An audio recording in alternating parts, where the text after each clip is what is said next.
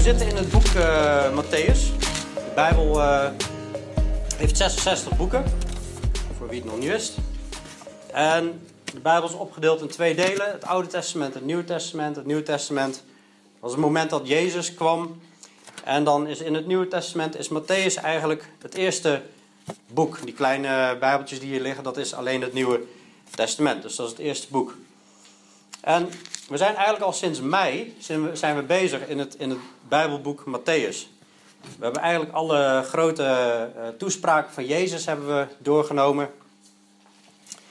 En het is heel bijzonder wat de Heer allemaal te zeggen heeft. Hij heeft ons geleerd hoe de gemeentetijd, het koninkrijk, de hemelen eruit zou zien. En, en we hebben recentelijk nog stilgestaan bij de, de eindtijd. Dat Jezus heeft uh, geleerd wat er allemaal uh, komen, aanstaande is. En ik geloof dat twee weken geleden was, dat, dat we hebben gezien dat Jezus het uh, avondmaal instelde. En dat was op, op, het, op het paasfeest, hè, waar ze een, lam slachten. En op dit moment is Jezus gevangen genomen door de Joden. Hij heeft zich vrijwillig gegeven, want op het moment dat ze hem wilden vangen en ze vroegen: Bent u het? En hij zei: Ik ben het, is de hele menigte achterover gevallen. Hij heeft uh, laten zien, hij heeft gezegd dat hij eigenlijk twaalf legioen engelen had kunnen roepen. Maar dat deed hij niet. Hij ging vrijwillig. Jezus is aan het kruis gestorven, dat weten we al, maar wij zijn bezig om de hele lijdensweg daarheen te bekijken nu. Want we hebben naast de grote toespraak van Jezus, hebben we op een gegeven moment gezegd, we gaan de laatste week van Jezus hier op aarde bekijken. En als je de vier evangeliën, dat is Matthäus, Marcus, Lucas en Johannes, die vier evangeliën omschrijven eigenlijk het leven van Jezus. Als je die bij elkaar optelt qua dikte, dan ja, gaat om en bij de helft gaat over die laatste week. Die laatste week is heel belangrijk, die is heel gedetailleerd is die, uh, omschreven. En uh, daar zijn we nu uh, doorheen aan het gaan. Niet, niet alle details, maar in ieder geval vanuit het boek Matthäus. Dus dat is even de, de setting. Jezus is net gevangen genomen door de Joden. Jezus heeft heel vaak de Joden toegesproken. En ze waren erg boos over wat hij allemaal zei, want ze waren heel erg begaan over hun eigen machtspositie, hun religieuze systeem.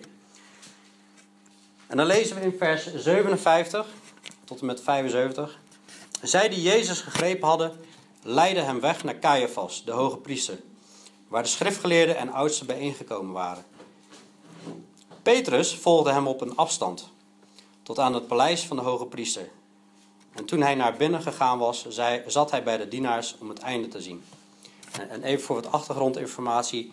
Jezus had gezegd, op het moment dat ik gevangen word, eigenlijk de herder geslagen wordt, zullen jullie allemaal aanstoot aan me nemen. En Petrus had gezegd, ja maar ik niet.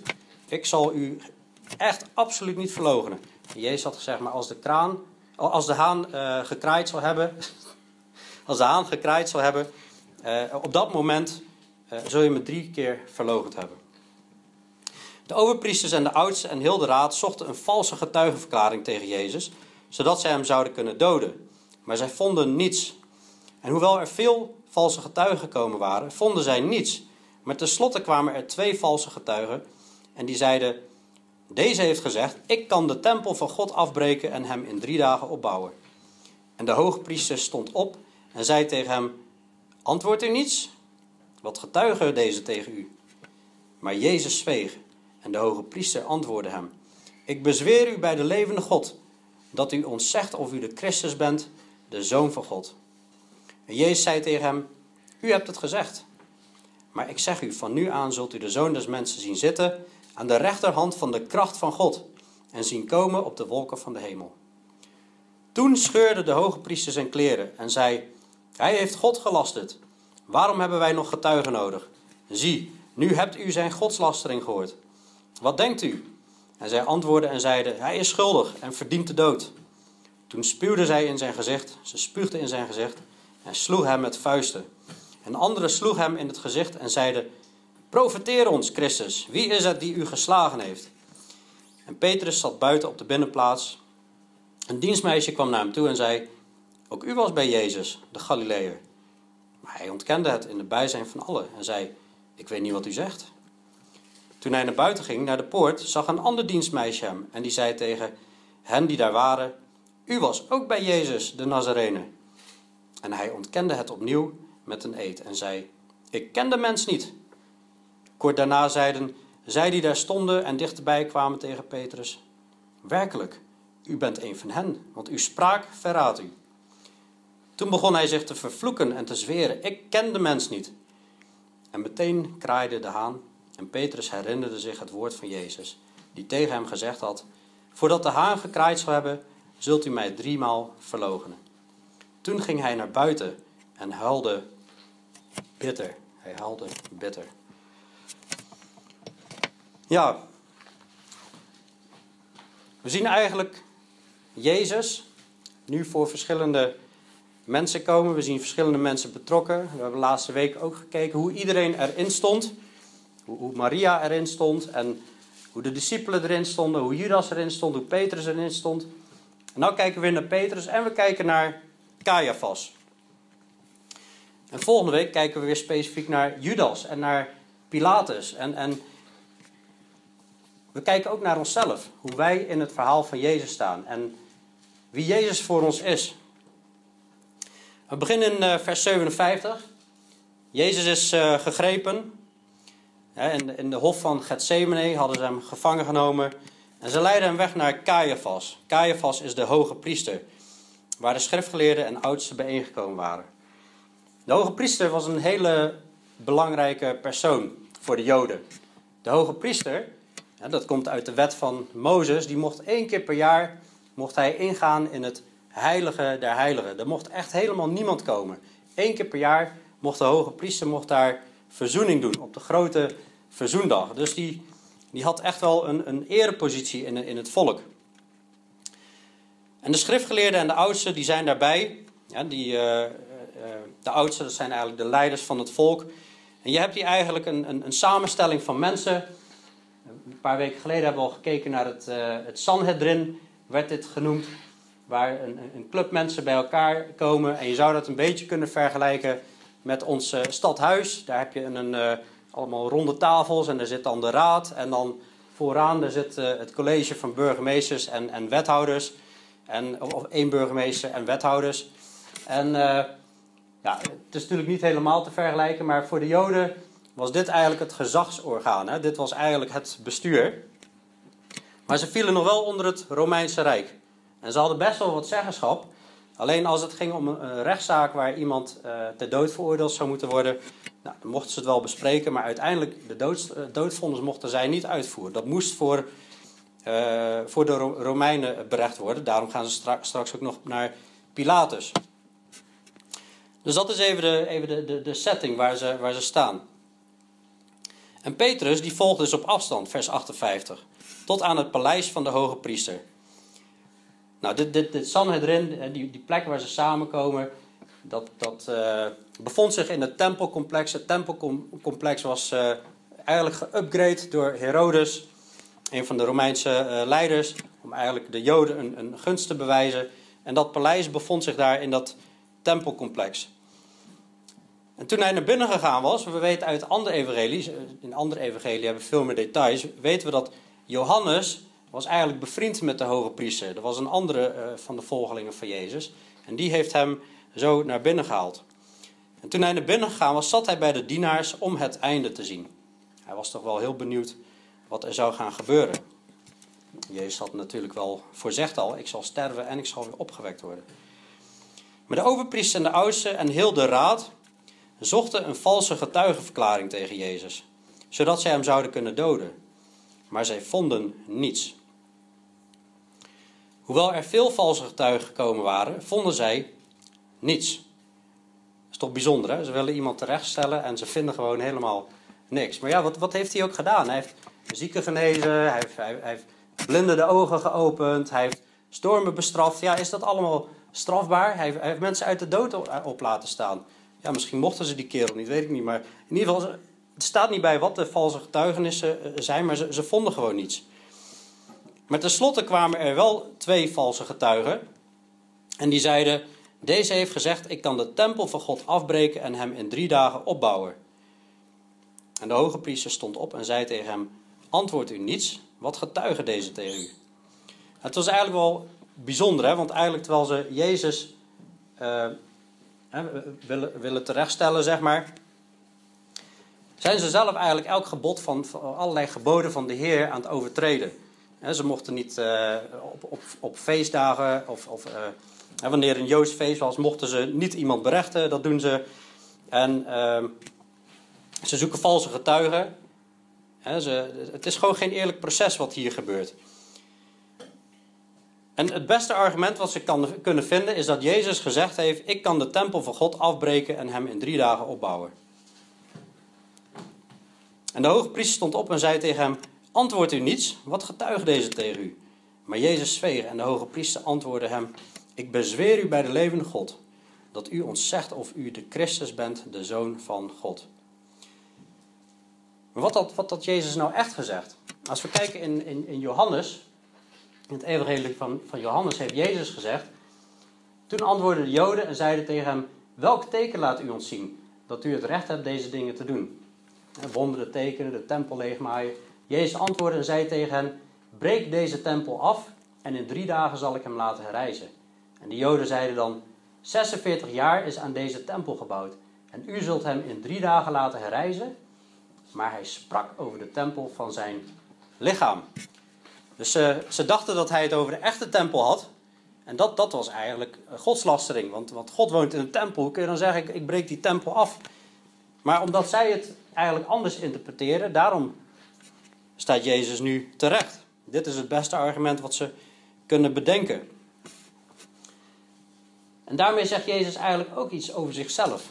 op het moment dat de Joden weten, God woont in de, in de tempel. Op het moment dat hij zegt, hij heeft het over zijn eigen lichaam en, en die zal in, die afgebroken worden en in drie dagen opgebouwd worden, zegt hij eigenlijk al dat hij God is. En de hoge priester staat dus op en zegt: Antwoordt u niets, wat, wat getuigen deze tegen u? Nu wil ik het weten. Ik bezweer u bij de levende God dat u ons zegt of u de Christus bent, de Zoon van God. Dat is eigenlijk wel bijzonder, want de levende God staat tegenover hem. We weten dat Jezus God is. En dan bezweert de priester bij de levende God, eigenlijk bij Jezus, dat hij zegt of hij de Messias is, de redder is. Hoe krom het ook is de Zoon van God. En Jezus zei tegen hem: U hebt het gezegd. Maar ik zeg u, van nu af aan, van nu aan zult u de Zoon des Mensen zien zitten aan de rechterhand van de kracht van God en zien komen op de wolken van de hemel. Toen scheurde de hoge priester zijn kleren en zei: Hij heeft God gelasterd. Waarom hebben wij nog getuigen nodig? Zie, nu hebt u zijn godslastering gehoord. Nou, wat zegt hij hier nou precies? Hè? Ik, ik zeg u, van nu aan zult u de zoon des mensen zien zitten aan de rechterhand van de kracht van God en zien komen op de wolken van de hemel. We zien vaker in het, in het Oude Testament, de Joden kenden die term wel, hè, zitten aan de rechterhand van God. Want, want David, koning David, een van de belangrijke koningen, was ook een profeet, die had al gezegd, de Heer heeft tegen mijn heren gezet, zit aan, aan de rechterhand van God. Op zich zie je in het Oude Testament wel dat, dat God al een, een meervoudig God is. In het begin schiep God de hemel en de aarde. En dan zie je later de geest van God die zweeft over de wateren. Maar je ziet bijvoorbeeld ook in de, in de profeet Jesaja, een, een kind, dat is een profetie over Jezus. Een kind is op ons geboren, een zoon is ons gegeven. En dan wordt, uh, wordt hij vredevorst genoemd. En uh, een sterke God en, eeuwige vader. Hè? Zie je al meervoudig God zie je daar. En, en er zijn nog veel meer de details te vertellen en, en om, hoe je dat kan onderbouwen. Maar eigenlijk ziet het er ongeveer zo uit. Door de hele Bijbel heen zie je dat. Hè, we, worden ook, uh, we zijn geschapen in, in zijn beeld. God zegt: laten wij, laten wij een meervoud mensen maken naar ons beeld. Kijk, God is één. Er is maar één God. Dat is, daar is de Bijbel heel, heel duidelijk over. Nou, moslims en Jehovah's denken dat, dat wij uh, polytheïsten zijn, dat we in meerdere goden geloven. Nee, er is één God. En die God is Vader, die God is Zoon en die God is Heilige Geest. Tegelijkertijd is de Vader niet de Zoon en de Zoon is niet de Vader en de Vader is niet de Heilige Geest en de Heilige Geest niet de Zoon. dat, dat, dat, snappen wij niet. Dat wil, ik, ik, probeer op, ik ben 20 jaar christen, 21 jaar en ik probeer er echt vat op te krijgen en dat lukt gewoon niet. Dat, dat is niet echt te begrijpen. het is een beetje vergelijkbaar met dat uh, als ik bij uh, mijn vrouw ben, dan uh, ben ik man, haar man als ik bij mijn kinderen ben, dan ben ik vader. En als ik bij collega's ben, ben ik een collega. Alleen God kan dat eigenlijk alle drie tegelijkertijd zijn, bij wijze van spreken. Of ja, er wordt wel eens een vergelijk gemaakt met, met water. Je hebt water in, in vaste toestand, in damp en in uh, vloeibare uh, toestand. Hè. Uh, maar goed, ieder vergelijk wat je maakt, dat, dat faalt een soort van net zo min als dat wij kunnen begrijpen dat God eeuwig is. Hij staat buiten de tijd. Hij is niet gebonden aan de tijd. Dat zijn eigenschappen van God die ja, ons verstand eigenlijk te boven gaat. Maar op het moment dat Jezus zegt: Van nu aan zult u de zoon des, uh, zoon des mensen zien zitten aan de rechterhand van de kracht van God. De, de rechterhand van bijvoorbeeld een, een, koning, dat is zijn, zijn kracht. Hè? En dat is eigenlijk, ja, God geeft eigenlijk Jezus gewoon de volmacht als zoon hè, om, om, om alles uit te voeren, zeg maar. Van nu aan zult u de zoon des mensen zien zitten aan de rechterhand van de kracht van God en zien komen op de wolken van de hemel. Voor de hoge priester was het duidelijk. Hij heeft gewoon gezegd dat hij God is. Toen scheurde de hoge priester zijn kleren en zei: Hij heeft God gelasterd. Waarom hebben wij nog getuigen nodig? Zie, nu hebt u zijn godslastering gehoord. En misschien staat het hier wat cryptisch omschreven, maar de Bijbel is heel duidelijk dat Jezus echt God is. Wij weten dat de Zoon van God gekomen is en ons het verstand heeft gegeven om de waarachtige te mogen kennen. En wij zijn in de waarachtige, in de waarachtige namelijk in zijn Zoon, Jezus Christus. Die is de waarachtige God en het eeuwige leven. En woensdagavond hebben we ook met, uh, we gaan door de Colossensebrief en in Colossense 1 wordt eigenlijk meteen uitgelegd hoe verheven Christus is. Ja, alles is door hem gemaakt, alles is voor hem gemaakt. Hij was er al voor alle dingen. Jezus is gewoon, gewoon eeuwig, alleen hij is God in een lichaam van de mens. Hij is vlees geworden. En er is ook geen mens die zoveel wonderen heeft kunnen laten zien als Jezus. Iemand die iets van wonderen heeft gedaan, het komt niet eens in de buurt. hij is opgestaan uit, uit, de, uit de dood en hij is aan meer dan 500 mensen verschenen. Het is allemaal overweldigend. Het bewijst dat Jezus God is. En dan zeggen zegt dan, zegt eigenlijk, uh, dan zeggen ze eigenlijk, wat denkt u? En, en zij antwoorden en zeiden, hij is schuldig en hij verdient de dood. Maar als we, Jezus, is opgestaan uit de dood, hij is het leven, hij is het eeuwige leven, hij is de weg, de waarheid en het leven. Maar als we eigenlijk even gewoon kijken naar, uh, naar, naar, naar die vraag, dat is eigenlijk de allerbelangrijkste vraag. Ik had die even kijken. Oh ja, de levensvraag. Wie zeg jij dat Jezus is? Dat is een hele belangrijke vraag. Want Caiaphas die wil gewoon weten, bent u, nou, bent u nou God? Dat is eigenlijk de grote vraag. En die, en, en die vraag die hij stelt, dat is de allerbelangrijkste vraag in het leven voor ieder mens. Want ieder mens zal op een dag voor de troon van God komen te staan. als we gestorven zijn in het lichaam van vlees en bloed. Of als Jezus uh, eerder uh, terugkomt. Maar iedereen zal op een dag voor die troon gaan staan. En dan is er maar één vraag die eigenlijk telt. Heb je geloofd in de Zoon van God? Heb je geloofd dat Jezus God is? Zijn je zonden, zijn die weggewassen? Heb je vergeving gevraagd? En ben je hem gaan volgen? dus hoe reageer je op die vraag? Maar Caiaphas en eigenlijk de hele raad, die verwerpen Jezus. De Joden die verwerpen Jezus. Ze spugen hem in zijn gezicht, ze sloegen hem met vuisten en anderen sloegen hem in het gezicht en zeiden: Profiteer ons, Christus, wie is het die u geslagen heeft? In de andere evangelie lezen we zelfs dat hij zijn hoofd wordt bedekt en dan, en dan slaan ze hem eigenlijk met vuisten. En, en dan roepen ze dus, profiteer ons, wie heeft u geslagen? Het is gewoon lafhartig wat ze doen. Het ene na het andere gebod wordt eigenlijk overtreden. En de hoge priester die scheurt zijn kleren. Maar in Leviticus, Leviticus 21, Bijbelboek het Oude Testament, daar staat dat de hoge priester mag zijn kleren niet scheuren. En ze mogen niet zomaar iemand slaan. Wie is het die u geslagen heeft? Maar eigenlijk hebben wij met z'n allen meegedaan in dit proces. Wij hebben eigenlijk met z'n allen meegedaan in, in het slaan van Jezus door onze zonde. Want hij is deze hele weg gegaan voor ons persoonlijk allemaal. En ook tot de laatste nagels toe die, die door zijn handen zijn geslagen. Dat hebben wij allemaal, allemaal hebben wij daaraan meegedaan. En dan zit Petrus buiten op de binnenplaats. En een dienstmeisje kwam naar hem toe en zei: Ook u was bij Jezus, de Galileër. Maar hij ontkende het in het bijzijn van allen en zei: Ik weet niet wat u zegt. En toen hij naar buiten ging, naar de poort, zag een ander dienstmeisje hem en die zei tegen hen die daar waren: Hij was ook bij Jezus, de Nazarener. En hij ontkende het opnieuw met een eed en zei: Ik ken de mens niet. Kort daarna zeiden zij die daar, die daar stonden en dichterbij kwamen tegen Petrus: Werkelijk, u bent een van hen, want uw spraak verraadt u. Dan blijkt dit ook nog een, een, een, familielid te zijn van die, van die, van die Malchus, die, die zijn oor afgehakt werd. Dat blijkt uit een ander evangelie. En dus die, die, die herkende Petrus en zegt: Werkelijk, u bent een van hen, want uw spraak verraadt u. Op zich leek zijn spraak leek op Jezus en, en daaraan herkenden ze hem. Hij was, was drie, drie jaar bij Jezus geweest. En toen begon hij zich te vervloeken en te zweren: Ik ken de mens niet.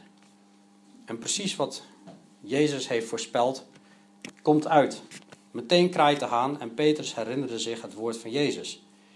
Die tegen hem gezegd had: Voordat de haan gekraaid zou hebben, zult u mij driemaal verlogenen. En toen ging hij naar buiten en hij huilde bitter. Naast dat Petrus dus op een gegeven moment Jezus uh, verlogend, hier, hier eigenlijk die profetie van Jezus uh, in vervulling laat gaan, is er nog iets aan de hand. Want Jezus had eerder al gezegd, op het moment dat hij uh, eigenlijk de apostelen erop uit had gestuurd, Ieder dan die mij beleiden zal voor de mensen, die zal ik ook beleiden voor mijn Vader, die in de hemel is. Maar wie mij verloochenen zal voor de mensen, die zal ik ook verloochenen voor mijn Vader, die in de hemel is. En Petrus die, die, die schaamt zich ineens voor, voor Jezus. Misschien het angst dat hij ook gepakt wordt. En, en, maar Jezus had ook gezegd van, neem je kruis op en volg mij. Ja, het, het is je, je leven verliezen om het vervolgens te, te winnen. We zouden eigenlijk kunnen zeggen, in dat, in dat hele proces kunnen we steeds naar onszelf kijken. Het is natuurlijk heel makkelijk om naar Petrus uh, te kijken en zeggen, uh, ja, loser, wat heb je toch gefaald joh. Wat, uh, je, je, je, hebt Jezus verloren, hoe kun je dat nou maken man, de, de Zoon van God. Maar hoe, hoe zit het met ons? In ons dagelijks leven. Komen wij al wel altijd voor Jezus uit? Durven we Hem te beleiden?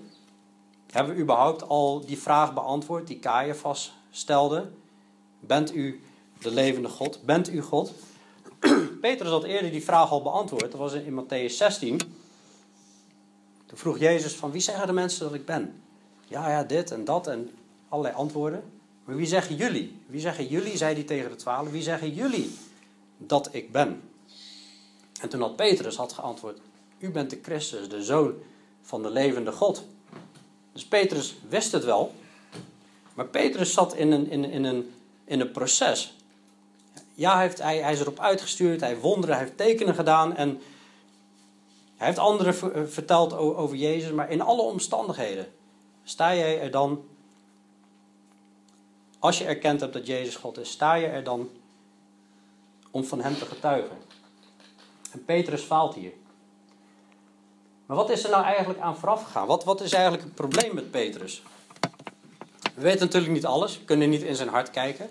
Maar we kunnen wel zien dat er dingen aan vooraf zijn gegaan. Wat deed Petrus namelijk? De vorige keer heeft Jezus gezegd: U zult in deze nacht allen aanstoot aan me nemen. Want er is geschreven: Ik zal de herder slaan en de schapen van de kudde zullen uiteengedreven worden. En Petrus die zei: Nou, al, al, zouden allen aanstoot aan u nemen, ik zal nooit aanstoot aan u nemen. Ik echt niet. En dan voorzegt Jezus, nee, als die haan zou hebben, zul je me driemaal verlogend hebben. Al moest ik ook met u sterven, zei Jezus, ik zal u beslist niet verlogenen. En dat zeggen alle discipelen. Maar als wij beseffen dat Jezus het woord van God is, en dat staat in, in uh, Johannes Evangelie, begint met, in het begin was het woord, en het woord was bij God, en het woord was God. Dit was in het begin bij God. Zonder hem is geen ding gemaakt wat gemaakt is. En uiteindelijk zegt hij: Het woord is vlees geworden. Jezus is het woord van God, het levende woord. En eigenlijk ging Petrus tegen het woord van God in. Hij was het niet eens met het woord. Jezus die zei op een gegeven moment uh, jullie zullen aan me nemen. Jezus geeft een profetie. En Petrus gaat in, in discussie. Hij is het er niet mee eens. En, en de vraag is natuurlijk, hoe zien wij het woord van God? Accepteren wij wat het woord zegt? Nemen wij dat ten volle aan? Of gaan we er eh, mee in discussie? Gaan we, gaan we het betwijfelen? De Heer wil dat we het gewoon aannemen, dat we het gewoon accepteren. Ook al staan er soms dingen in die niet zo fijn zijn. Petrus moest eigenlijk door een proces. Hij moest nog tot echte bekering komen. En het klinkt allemaal wat dramatisch, maar het komt uiteindelijk wel goed hoor met Peter, Petrus. Maar hij, hij, hij moet door een, een, proces. En uiteindelijk zal hij echt heel groot door God gebruikt gaan worden. Hij zal voor die raad zal hij juist staan en zeggen: Jullie hebben de heilige, de rechtvaardige, de vorst van het leven, hebben jullie gekruisigd. Vol vuur zal hij staan, wanneer hij straks ook de Heilige Geest zal ontvangen. Het volgende punt, hij had ook niet gebeden zoals de Heer vroeg. Ze waren in Gethsemane in, in, in die hof. En dan had de Heer Petrus, Jacobus en Johannes meegenomen. De andere apostelen die, die stonden wat verderop. En hij vraagt ze om te bidden. En dan komt hij op een gegeven moment bij de discipelen. Jezus ging iets verderop zitten. Hij trof hen slapend aan en zei tegen Petrus: Kon u dan niet één uur met mij waken? Hij treft ze slapend aan. Hij zei: Waak en bid, opdat u niet in verzoeking komt. De geest is wel gewillig, maar het vlees is zwak. De hele Bijbel schreeuwt het uit. Bid zonder ophouden. De Heer heeft zelf gezegd: Mijn huis zal een huis van gebed zijn. Als we de geestelijke wapenrusting moeten aandoen, staat in, in, in uh, Efezebrief, hoofdstuk 6. Ga ik nou niet helemaal uitleggen, kun je, kun je thuis lezen. En dan eindigt hij en, en in dit alles bid in de geest en bid en smeek voor alle heiligen. We moeten continu in gebed zijn. En dat is voor mezelf ook een, een, een proces om gewoon continu de hele dag in gebed te zijn. Vanaf het moment dat ik opsta totdat ik ergens naar de winkel ga of even naar de wc ga of uh, s'avonds uh, tijd samen met Rebek nemen om gewoon echt te, te bidden. Want er zijn gewoon heel veel noden. Want sowieso is er een wereld die verloren gaat. Dat is al een grote nood. We mogen bidden voor onze broers en, en, en zussen. dat, ze, dat ze volhouden. En, en ze gaan door moeite, door depressies en door, door ziekte. En dan mogen we voor bidden voor elkaar.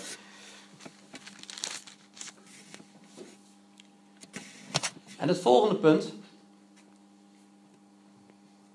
Er staat op een gegeven moment dat, dat Petrus hier in vers 58. Petrus volgde hem op een afstand. Nou is dat natuurlijk letterlijk bedoeld, hij, hij, hij zit op een afstand, maar ik, ik moest daarbij denken aan, aan, aan een vers, en dat is natuurlijk niet de directe interpretatie, dat, dat weet ik wel, maar ik, ik wil het eigenlijk even als, als een soort geestelijke toepassing gebruiken, want er staat eigenlijk wel uh, vaker dat we toe moeten zien dat niemand achterop raakt op de, op de genade, de, wandel, de wandel met de Heer. Er was eigenlijk al een afstand gekomen tussen Petrus en de Heer. Dus zijn gebedsleven was op een of andere manier niet op orde. En kan allerlei oorzaken hebben. Hij, hij, was moe. En, hij, en hij, hij nam Jezus niet serieus in wat hij zei. En de vraag is natuurlijk van, hoe gaat het met ons? Hoe, hoe, hoe volgen wij Jezus? Volgen wij Jezus op een, op een afstand? Of zijn we heel dicht bij Hem? Zijn we continu in gebed en in het woord? Want God spreekt tot ons door zijn woord. Hij gaat je echt niet uh, precies vertellen wat je dan vandaag moet doen, maar we hebben het over uh, de grote boodschap en, en hoe hij wil dat je in het leven staat nadat je gered bent en de Heilige Geest hebt ontvangen. Hoe, hoe, we in liefde met elkaar om kunnen gaan en, en iedereen accepteren zoals hij is, rijk of arm, uh, jong, oud, ziek, gezond, geen aanzien des persoons, allemaal van dat soort dingen. Maar wat mij bijzonder raakt is dat Petrus beseft dat hij gezondigd heeft tegen Jezus. Hij ging naar buiten en hij huilde bitter. En dit verhaal zou ons mogen raken. Eén, dat we, dat we die vraag beantwoorden. Wie is Jezus voor mij? Heb ik hem aangenomen als verlosser? Zie ik hem al als de levende God? Heb ik vergeving gevraagd? En we hebben allemaal vergeving nodig om die stap te maken om een kind van God te worden. Want we hebben allemaal gezondigd. Allemaal was gelogen. Allemaal was gestolen. Allemaal was Gods naam verkeerd gebruikt. met lust naar een vrouw gekeken, begeerd in je hart. En Jezus zegt dat dat allemaal zonde is. En God is heilig. Zonde kan niet bij God in de buurt komen. God is ook rechtvaardig. Hij gaat elke zonde gaat hij oordelen. Je goed gaat niet opwegen tegen je kwaad. Maar hij is ook liefdevol en genadig. En daarom staat Jezus hier.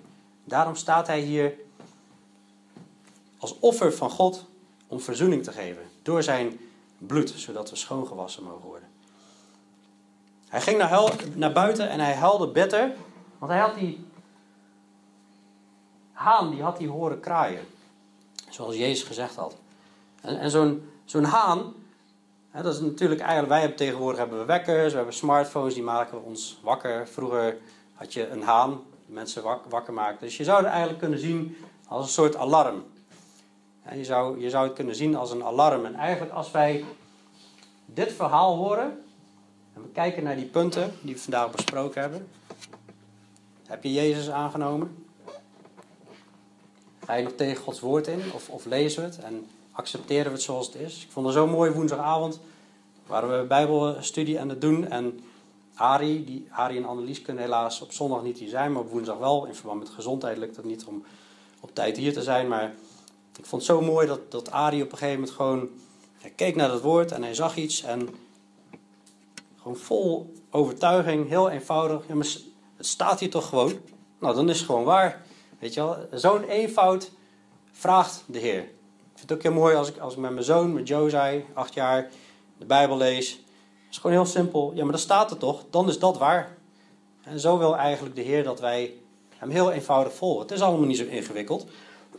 We maken het vaak ingewikkeld.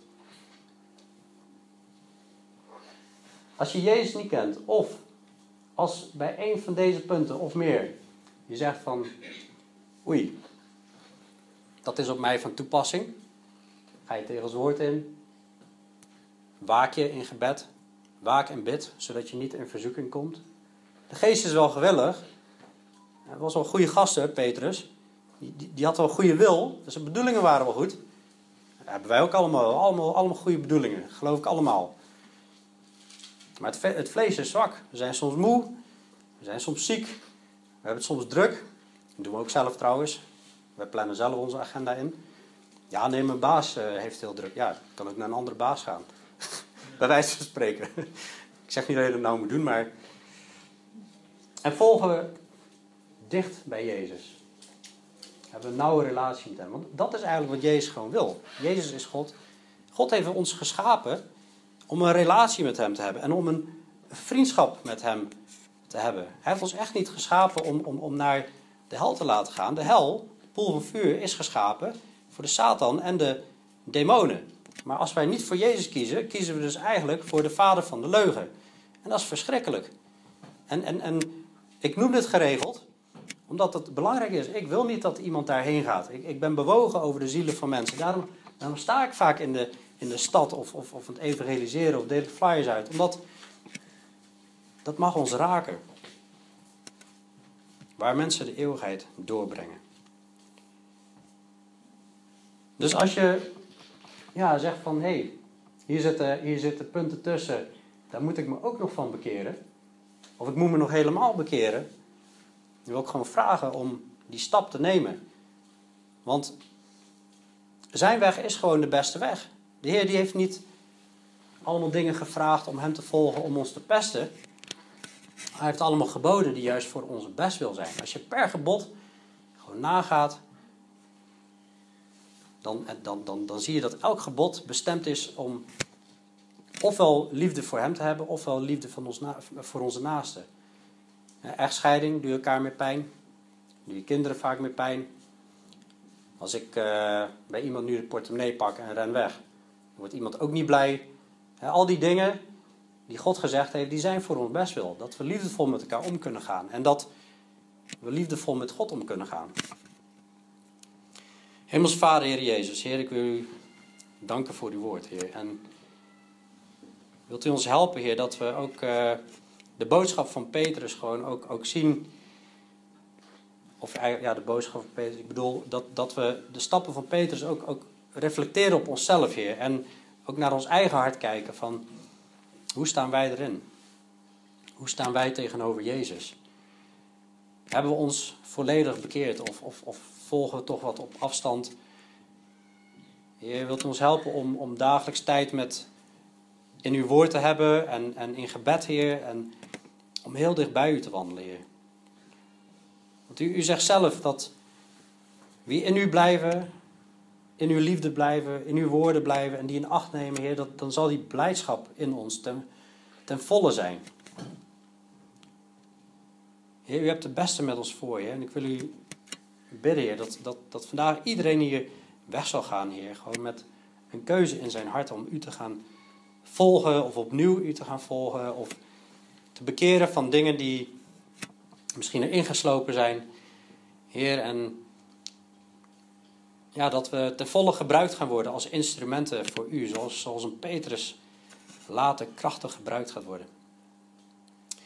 Heer, dat we ons licht mogen laten schijnen, het, het, licht van het, van het evangelie, uw, uw boodschap. En, en, en liefde mogen tonen aan, aan uw naasten, zoals anderen het niet kennen, die, die nog ik-gericht denken, Heer. Help ons om minder ik-gericht te denken en meer op anderen gericht te zijn en op u gericht te zijn. Heer, de vraag weer zo in Jezus' naam. Heer, als uw geest niet werkt, Heer, dan, dan zijn alle woorden te vergeefs geweest. Heer, wilt u met uw geest doorwerken in onze harten? Heer, wilt ons ook zegenen, Heer, en, en uw liefde uitstorten in onze, onze harten, Heer, door uw Heilige Geest. Heer, wilt u gewoon ons weer vullen, Heer, dat we echt weer vol verkwikt, Heer, met u op pad mogen gaan, Heer. En aan u vast zullen klampen, omdat u het beste met ons voor hebt. Ook al zal het moeilijk zijn op onze weg, Petrus had het ook moeilijk. Heer, u bent een moeilijke weg gegaan. U zegt wel neem het kruis op, maar de andere leidersweg die is veel erger. Uiteindelijk op lange termijn. Heer, wilt ons helpen daarvan de drongen te zijn. En op u, alleen, op, alleen ons op u te richten. In Jezus' naam. Amen.